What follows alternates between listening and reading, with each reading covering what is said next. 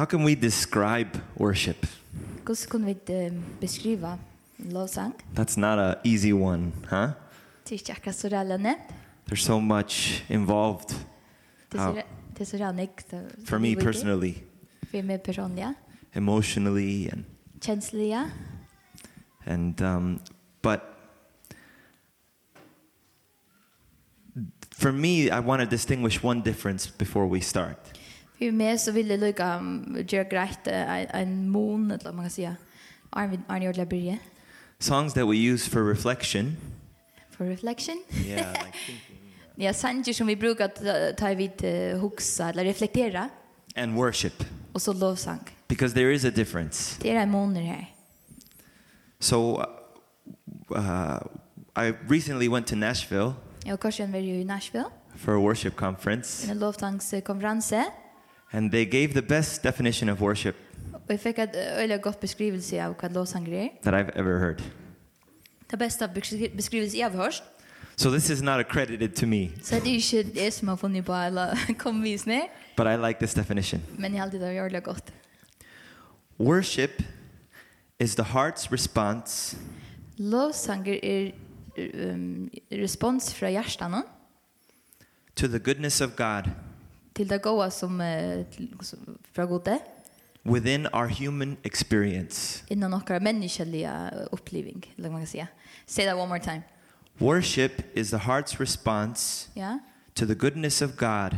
Alltså lovsång är kus i okra hjärta ger svär att till Guds godhet, goodness. Within our human experiences. Så det som vi upplever det som människor. Yeah. So an example like when when God is good to us. Som ett döme tar god gå vi också. In, in some way in a in a maybe in a daily basis something maybe that's not so big. Kanske också dagligt bär man upplever. How do you respond? Hur så svär vi åter på det? How does your heart respond? Hur så svär våra hjärta til till det goda som vi får från gode. That's worship. Till lovsång. Now with that meaning Ett la prisan tillbedjan kan man säga. With that meaning said there's a difference between the reflection till en månad att vi reflekterar i naga and that response that we give to God. Och så det som vi ger god det. Och jag kan tillbe. Ja, stäng vi lås. So with that being said, how has God been good to you? Så hur ser god vi går över vid det. Let's think about that for a second. Låt oss lägga hooks om det. Not just today or not just but just during the week in those tiny little moments where only you know. Bare i de lille løtene, de små tingene i det daglige. Also in the big moments when everyone ting, sees. Ting som bare to vet, eller kjenner til, og er snu til store, hver ødel ganske kunne sitte, mener, skjønner litt. Let's just think about that for a second. Husk om det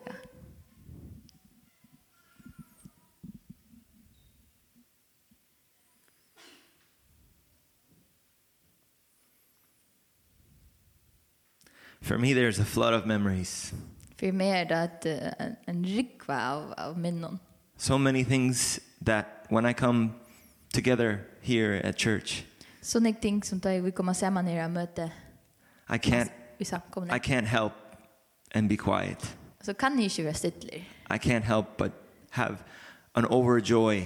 Jeg kan ikke jag vet men, men men anledning uttryck man uttrycker sånne glede. I don't act the way I act in church because it's the church way to act. Jeg oppfører meg ikke på en bestemt måte innan for samkomne og tøyte så som man eier å gjøre. My actions Mina handlingar are a direct result er ett urslit of God's goodness in my life. Av Guds Guds goda godhet vi med. Truthfully and honestly. Kan det ärligt säga. There was a point in my life though. Det var en tid i min liv where I felt like the cross was was too heavy for my teenage shoulders. Jag har följt som krossen var för tunga för mina teenage um, herrar. And I thought I could make a better sinner. Och jag tänkte kunde vara en bättre syndare. Than a good Christian. And I go to Chikvande. But at that moment. Och i tullet I saw my life without his presence. Så jag mitt liv utan hans närvaro. And I saw my life without being able to sing to him.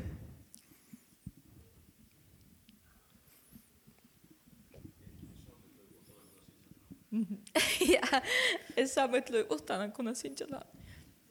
And I I couldn't live without that. Det kunde inte leva utan. Because even as a teenager, du känns som teenager. God's goodness was so great to me. Så gott så gav vi med. That I couldn't think of living without that. Jag kunde inte leva utan det. I couldn't think of those times in my room when no one's watching. Jag kunde inte imynda mig löter i min kammare och ingen hukte just enjoying not just God's love but his mercy.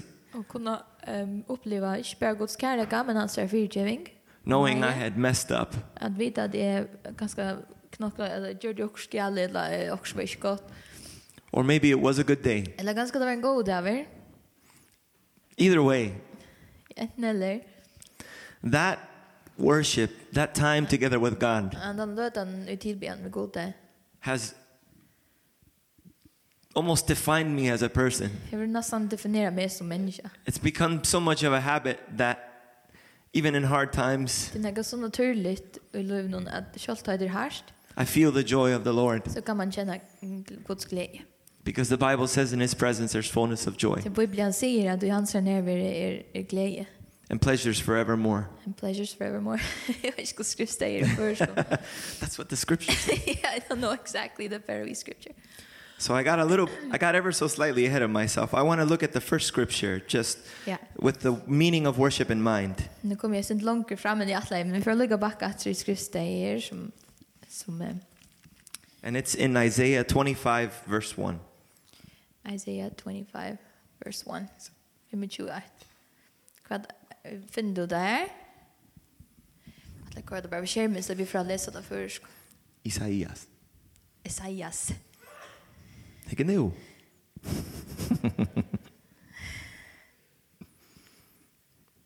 Ready? We're good? Okay. O Lord, you are my God. I will exalt you and praise your name. For in perfect faithfulness you have done marvelous things, things planned long ago. Jeg skal lese Gunn? Herre, du er skod mine pryset her, love navnet tøynen. Til du er gjørst underversk, råd tøynen fra forhånd er det sannleidje og trofeste. If there's no reason in your life to worship, that's a good reason right there. Hvis ikke du finner en, en grunn til at tilbe, så er det en god grunn til det bare der. I like the fact that it doesn't just say perfect faithfulness. It doesn't say bara, kan du skriva upp där? But it says things planned long ago att det är uh, allt som är planlagt för längst sedan i Bibeln Johanna. Ehm um, från förrun är det sanna just ju fest. Är det? Ja. So that that's amazing to me. Att det är något som planlagt för längre tid sedan, ja. So just a few reasons um I have here funny not in a particular order. I just wrote them as I thought of them. Några ting som jag skriver ner är egentligen rätt vilket men några ting som jag tänkte nämna. But with every every struggle Ta vi strujast or hardship Eller ta det er harst at leva. Ja. Worship has kept my heart towards God. Så är vi tillbön värvat mot hjärta till alltså är den till god. It's been a weapon against despair. Till vi ett vapen mot det måttlösa. It has kept me grounded in the midst of sadness. Och vi helt liksom fått mina klätt ta det över in the midst of sadness ta det över öliga när harst jag vill fullt möjligt att chatta Life is amazing. Life is fantastic. But sometimes life has a way of being not so amazing. Men i kvart är det inte så fantastiskt. And you know, in those times Och i timon lödden It's really easy to maybe blame God. Så det är nämnt att skilda på Gud have some kind of bitterness. Att vara bitter. And maybe we might get over it. Kanske man kommer över det. But for some people, men för somma, coming to church and worshiping. Att komma möte och tillbe. Truly being free. Och välja vara frier. Without any hesitation. Utan att hålla att. It's sometimes hard. Det är också hårt. Sometimes really hard. Det kan vara väldigt hårt. Maybe traditions. Kanske det traditioner. Keep you from opening up som får oss kunna göra det öppen. Maybe a certain way of thinking. Kanske en avvis som att. From your youth. Som man nu vill lärt kanske för att man är unge. Or maybe like I was explaining right now an experience. Eller kanske som en nå, en oppleving, en kärlig oppleving som binder dere. But I'm telling you here today. Men jeg skal si deg nå i det. You're really missing out. Det går glipp av någon helt fantastisk. It might feel like it takes a little bravery Kanske man ska vara som det To really let loose. Det føles så man måste vara som Jarvey för att släppa. But honestly it starts when no one is watching. Men det börjar ta ungen. When no one is looking. Det privata är det här man börjar. Worship is not a Sunday morning thing. Lovsånger är inte bara för söndag morgon. It's not a middle middle of the week thing. Det är inte bara mitt i veckan vi tillber. Worship is a 24/7 thing. Los la tilbia er for tjushi, altså. And when you begin to live your life. Og at du byrjar leva ditt liv. With a grateful heart towards God. Vi tacksamma til Gud. In every area of your life. Og öllum økjum av livinum. Basically, you have chosen to include him in every area of your life. Man ser det helt enkelt at vi inkludera Gud i kvørt öll ökjum av akra livet. And things will definitely change for the better. Så kommer vi att söka framgång. You're going to see miracle after miracle. Det tar vi sucha underverk. I know that from experience. Och jag vet att jag upplevde det. And the Bible also says when you delight yourself in the Lord. Bibeln säger att när vi skulle delight yourself in the Lord. He will give you the desires of your heart. Ja, denna till han alltså ehm ja. Ska se, ska se skrifta i förskon. Ja, han ger det som hjärtat tror efter. Ta vi delight yourself. So just picture that. Så vi menade det kom där. That is a way to live. Det er en måte å leve på.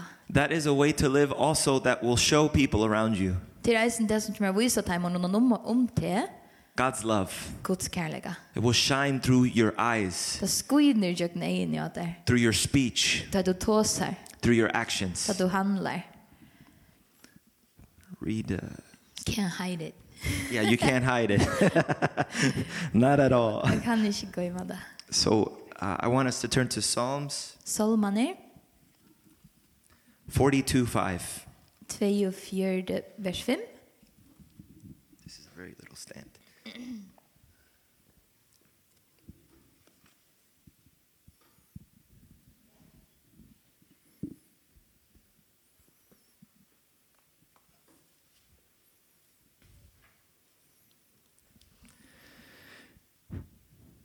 This scripture describes how God has kept me in the midst of my sadness.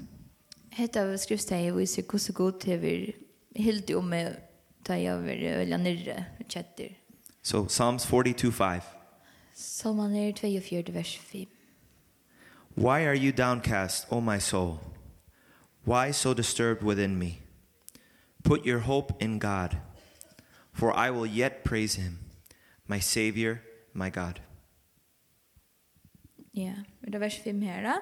Hetta må jeg minnast at ute at det er 5, 5 and 6. 5 and 6. Did you read the whole thing now? No, I didn't finish it. Sorry, hang on, I just noticed. Huh?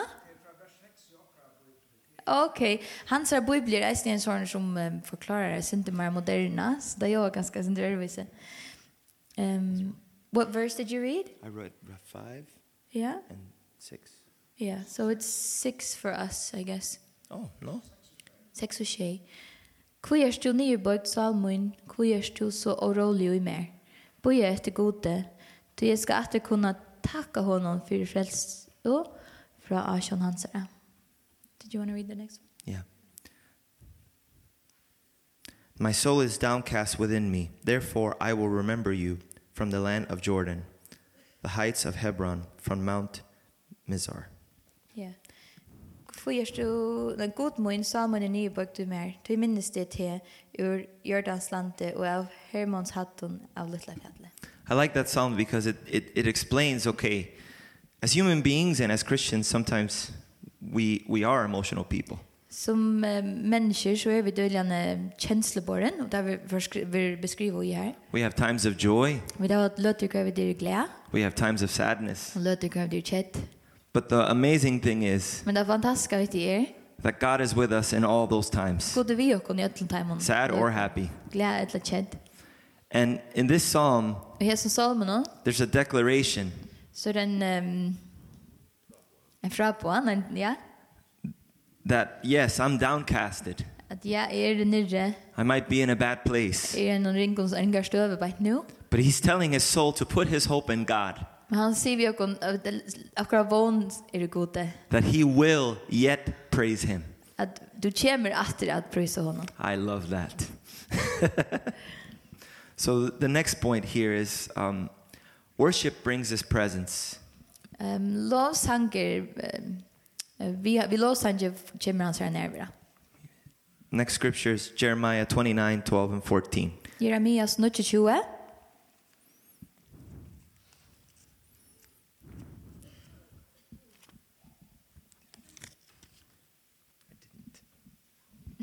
I can hold it.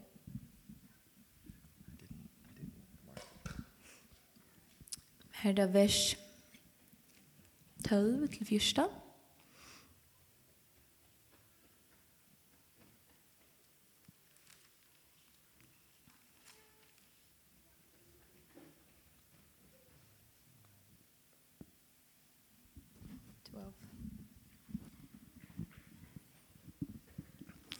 Then You will call upon me and come and pray to me, and I will listen to you. You will seek me and find me when you seek me with all of your heart. Ja. Ti skulle søkja meg nei worst val. Ti skulle ankalla meg og færa ut be be til mun. Jeg skal høyra dikkon. Do you want me to just read it in Faroese? Do you yeah. want to read that I, in English? Read the 14. Yeah, I'll read the 14 after you.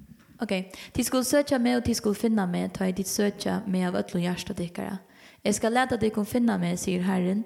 Jeg skal venda lagnu dikkara og sanka tikkun saman fra öllun tjóunun og av öllun støvun, støvunun. Her er av rikje tikkun bort, sier herren. Og jeg skal leta tikkun koma atur til stegi herne er herleite tikkun. I'll read it uh, again in English. Then, then you will call upon me and come and pray to me and I will listen to you. You will seek me and find me when you seek me with all your heart.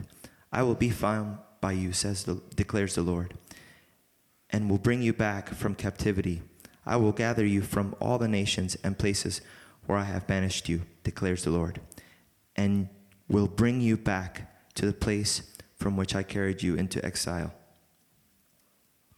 That scripture to me means a lot in so many different ways. Att skriftet är ju så något att på sånne gode måter. But I like the section that says, when you seek me with all your heart. Ta dit söka med vi öllum tykkar hjärtan, så vi öllum hjärtan. That to me sounds like there's liberty there. Det gör för mig som det fria där. But it also talks about captivity. Men då så är det mer bunden. I like to think of that area as the place where you don't feel so comfortable. Ja, det är så som tan lötan där du inte, det føles ikke behagelig här ja? Maybe the place where you feel lonely. Kanske där du föll dig ensam.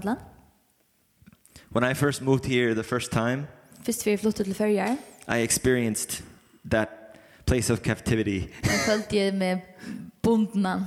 I wasn't captive by any external things. Ikke noe eksternt som gjør det der. I was captive by my emotions. Men mine kjensler bunte meg. I couldn't break free from my emotions. Jeg slapp selv å lese av mine kjenslene.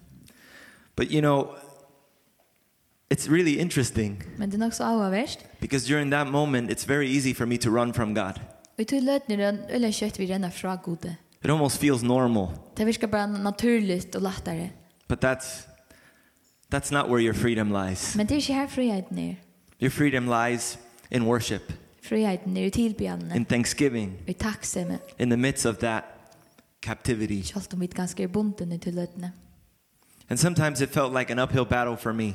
Og i kvist virkade det som man strujes nian etter bräckne. Because my emotions they kept me from känslorna bunte mig. From really being free in that sense. Mm.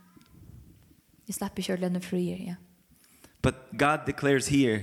Men Gud sier her that he will bring us back from that place of captivity. Han han ska lösa oss från till till bonte, över bonten. He was bring us back from that area of that of loneliness. Han han skal dra och natter från sig löden. Or emotional struggle. Vi strujas känsliga att vi det bunten. Amen. Amen.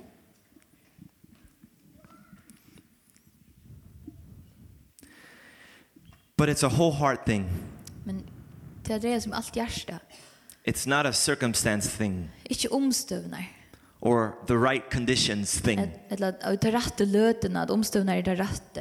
It's not a worship when we feel best. Det är inte tillbe att vi det gott. It's not a worship when we're singing your favorite song. Det handlar inte om lovsång, tar vi eller tillbe tar vi sin jakra. It's a whole heart thing. Det er det snörs om hjärta. Whole heart thing. Alt hjärta. Here. Here.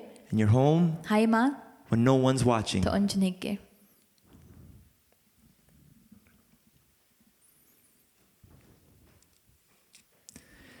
And that place of his presence. Vi to stand on her som hans närvaro er.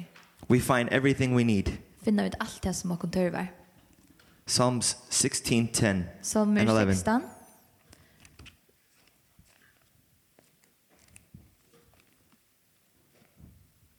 Tutsi og etleve. Bunda her. Yeah. You read it first? Yeah, I'll read it first. You know, I'll, in the Bible, it's like half a sentence here in 10. So I'll read from, from 9. Therefore, my heart is glad and my tongue rejoices. My body, my body also will rest secure, because you will not abandon me to the grave, nor will, will you let your Holy One see decay. You have made known to me the path of life. You will fill me with joy in your presence, with eternal pleasures at your right hand. Jeg halte det for at nå ikke er snir, ikke? Men nå kan jeg forstå. 16. Sommer 16. Nå ikke. Jeg fikk hans kjørt til rygga. Det vill jag bättre vi er nere. Det vil da kan han säga.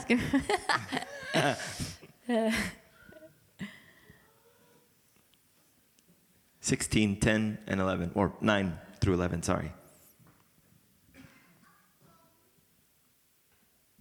Ja? Salmer 16.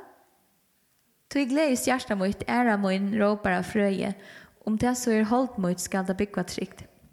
Tu du skal inte djeva deg röjt noen salmerna.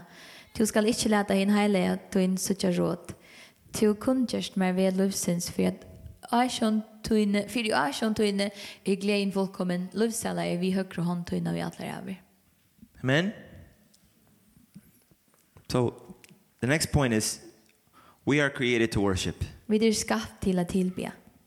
As human beings, we have these foundational instincts. Um, som människor så har vi några instinkt som är sån fundamental, kan man säga fundamental? Ja, yeah. några instinkt som är inbyggt. Yeah. If you if you put a bunch of people in an island or people that don't know anything about. Tänk du några folk och hur du då nåt? They're going to form some kind of thing to worship. Så kommer det till på ett eller annat. Isn't that a curious thing? Är det något löje? It will happen every time. Kvar jag för du gör det så kommer det helt säkert för några akkurat till. I don't doubt it.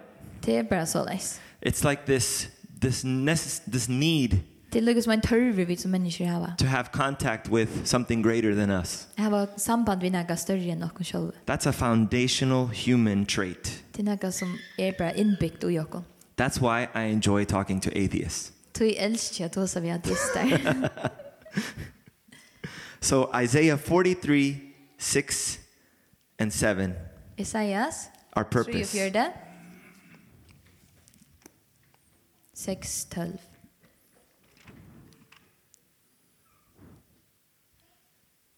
6, 12. 12, 6 and 7, right here. 43, 6 and 7. Oh, Isaiah 3 of your vers 6 og 6. I'll read it. I will say to the north, give them up, and to the south, don't hold them back. Bring my sons from afar, and my daughters from the ends of the earth. Everyone who was called by my name, whom I created for my glory, whom I formed and made. Jeg skal si av i kom her vi Taimon, vi sore, halt Taimon ikkje. Lat sine munnar koma ur fjærløv og døter munnar fra enda gjerrenar. Kvönt han og kattlar, kattlar vår er vi navne munnon, og som er have skapt mer til dord, som er have mynda og gjørst. It says it right there. Whom, whom I created for my glory. Som er have mynda og gjørst, mer til dord. There's the, there's the clue right there. Hatt er uh, hinte beint her that that is definitely something that's foundational in a, in the, in the human at det är något som är inbyggt i oss Yeah, so what what does it look like? What what does it look like to fulfill that purpose? Och hur ser det ut att vi så leva det? Let's go to Psalms 100. Psalm 100 vers 100, nej kapitel 100.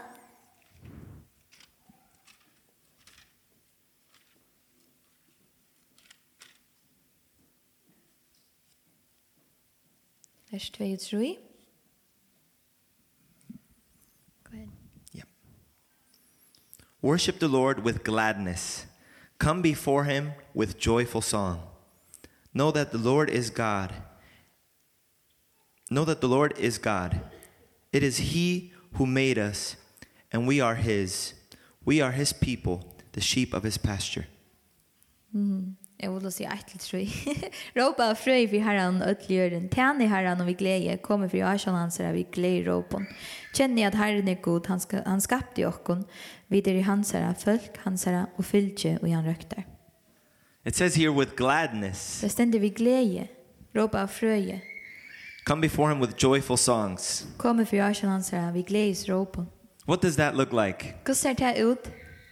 Think about what that looks like. What, what does a... Uh, What does coming somewhere with gladness and having a joyful song look like? Hur ser det ut att vi kommer vid glädje roba fröje?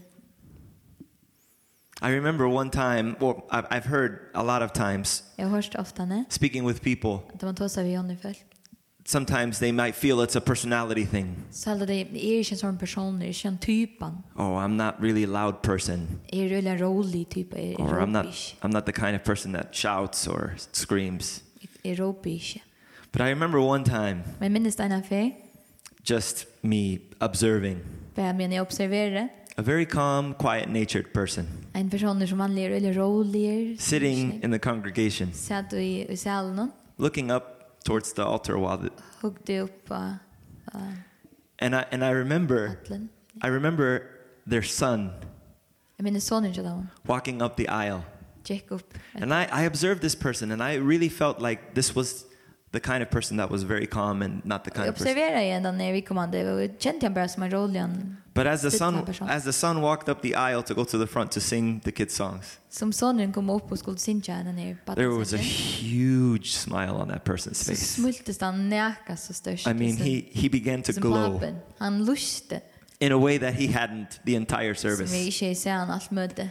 And I thought that was quite interesting. Helt var very uh, For that moment Og i løtene, I was able to see a real glimpse of gladness in his heart. Så jeg virkelig at han var glad Because the love for his son was really great. Det det kärleken till sonen var något helt särskilt.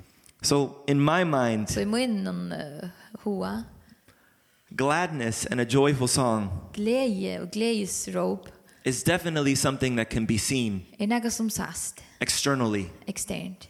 I can't sit here. Jag kan inte sitta här. And have a mad face. Och så jag orod. Or have a very uh how do you say um just sitting here. Bara ja. I wouldn't be broadcasting to anyone I'm joyful. Så vi see ju det jag har några glädje. That's I don't think that's joyful. Det är inte glädje. I think that's just me being me. Det är bara jag i min själv. I'm not mad or anything. I'm not in a bad mood. It's just that's different from a joyful. Det var måneder or gladness. Tui og tar man så värde at kjenne glede. I mean, for me, for meg, in contrast, som man ser kontrasten. Say I sat here with a huge smile on my face. Det sitter vi en stor smile. Bright. Bjärst smile. Still here, still myself. Stadvik är, stadvik här. Then people around me. Så så jag människor om mig. Would understand, well, he's joyful. Och han är glad.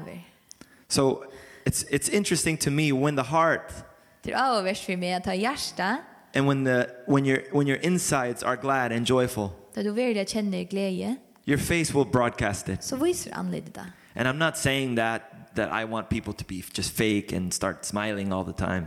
Det sägs inte att vi ska og och smila så alltid när vi känner glädje. But just like that Psalms. Men som psalmen säger där. Sometimes we have to tell ourselves. Vi kvärs må minna oss själva. To be glad. Att vara glad. And sometimes we have to tell ourselves vi må si vi oss sjálve to delight ourselves in the Lord. Gleist i Herren. And sometimes we have to tell ourselves vi kvørs må si vi oss sjálve to be joyful in his presence. At vera glad i hans nærvære. And to really experience at verliga uppleva God, God in our life. I okkara livet. Being a Christian doesn't exclude us from problems. Att vara tryggvande exkluderar oss inte från att ha troplägar. Being a Christian doesn't exclude us from sadness. Att vara tryggvande mäster jag vet inte riktigt. But in the midst of problems. Men mer vid det tyst över And in the midst of sadness. Och mer vid det God is in that storm. Så god eisen här. He's walking on the water. Han går av vattnet. He's calling you out. Han ropar efter. It's not easy. Det är inte But men through God, vi gode, there's nothing impossible. Är inte omöjligt. And that's the awareness that we have. Det där vi skulle vara aware. Alltså vi vi skulle vara uppså på det, grejer det. That's why it's so amazing to be a Christian. Tror det så cool att vara tryggvande? So worship. Så tillbedjan. It's bigger than how we feel. Är större än än Guds vid känner It's bigger than language. Tillbedjan är större än vad mal vid kanske synja eller tosa. Bigger than color. Större än liter. Race or culture. Raser eller kulturer. Style preference. Kan för stil genre kan ska uttala inte vid vi fyra ja. It's not about what we need. Det är inte som vi tar bruk för det. It's about what he has done. Det är det som att han har gjort. On a daily basis. Dagliga. And our response. Och våra attsvär. To his amazing love. Till hans stora kärlek. Amen. Thank you.